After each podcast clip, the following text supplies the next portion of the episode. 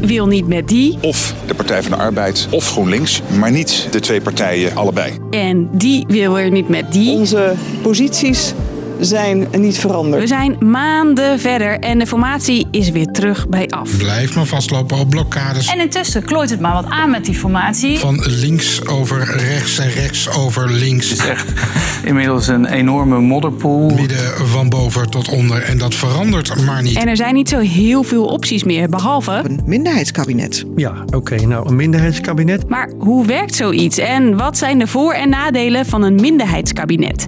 Ik ben Hilde en ik leg het je uit. Lang verhaal kort. Een podcast van NOS op 3 en 3FM.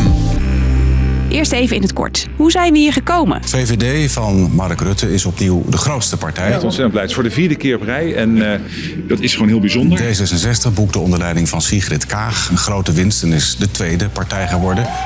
Het is gelukt. Na de verkiezingsuitslag in maart trokken de twee grootste partijen samen op om een coalitie te vormen. Poging 1 samen met CDA en de ChristenUnie. Eigenlijk dus het kabinet wat er nu ook al zit. Maar dat ketste af, want Sigrid Kaag van D66 zag het niet zitten om met de ChristenUnie samen op te trekken. Je moet zo progressief mogelijk zijn. Dan is deze keuze de logische keuze. Dus de ChristenUnie past niet in dat plaatje hè, wat u nu omschrijft? Wat ons betreft niet. Poging 2 dan, met CDA en een linksblok van GroenLinks en PvdA. Die twee laatste willen nog steeds per se samen. Wij blijven bij elkaar. Maar dat vinden de rechtse partijen too much. Inhoudelijke verschillen in de optelsom van GroenLinks en Partij van de Arbeid. Daarvan heeft de VVD gezegd, dat willen we niet. Dus hoe nu verder?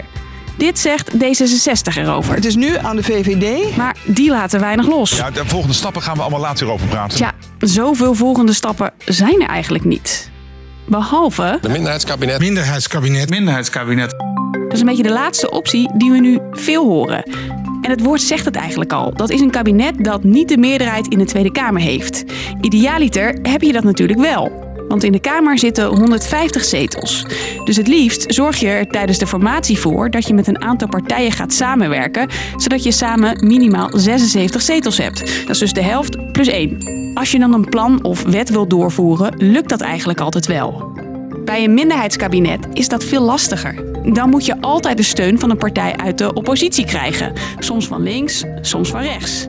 Dat hebben we al eerder gehad. De laatste was Rutte 1. Even terug naar 2010. Een kabinet van CDA en de VVD met gedoogsteun van de PVV. Het kabinet haalde niet de eindstreep. Net als zoveel minderheidskabinetten.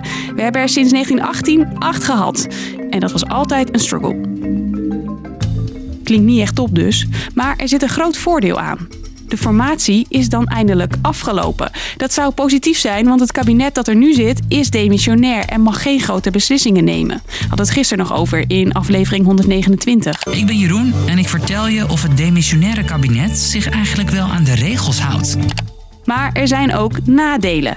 Ik zei het net al, omdat je geen meerderheid hebt, moet je steeds steun zoeken. Of zoals deze hoogleraar staatsrecht uitlegt. Kom je eigenlijk terecht in een constant formatieproces. Want je moet de hele tijd politiek maken. Coalitiepolitiek is oversteken, ruilen. Een minderheidscoalitie is een sympathiek iets, maar het komt niet uit de startblok. Een matige start dus en vaak ook geen goede finish. Leg ik je ook even uit.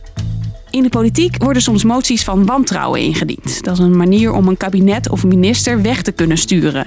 Als de coalitie de meerderheid heeft, kunnen de partijen die daaraan meedoen dat voorkomen door tegen te stemmen. Een minderheidskabinet kan dat niet. Dus, hoe gaan we nu verder? Politiek verslaggever Xander van der Wulp. Ja, u hoort vandaag ook al in de Kamer van die minderheidskoalitie. Er zitten zoveel nadelen aan.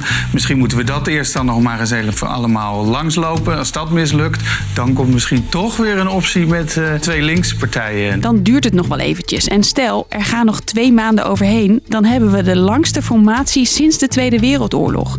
En die kans lijkt nu weer iets gegroeid. Dus die formatie is geen lang verhaal kort, maar een lang verhaal lang. En er zijn steeds minder opties over voor een kabinet. Daarom steven we nu af op een minderheidskabinet van bijvoorbeeld VVD, D66 en CDA. Dat betekent dat de partijen wel wat meer moeite moeten gaan doen om hun plannen door de Kamer te krijgen. Maar wie weet, heel misschien krabbelen ze nog terug en komt er alsnog een andere oplossing. Wat er sowieso komt en waar je maar 24 uur op hoeft te wachten in plaats van 5,5 maand. Een nieuwe aflevering van Lang Verhaal Kort. We zijn er morgen weer rond de klok van 5. Tot later. Doei!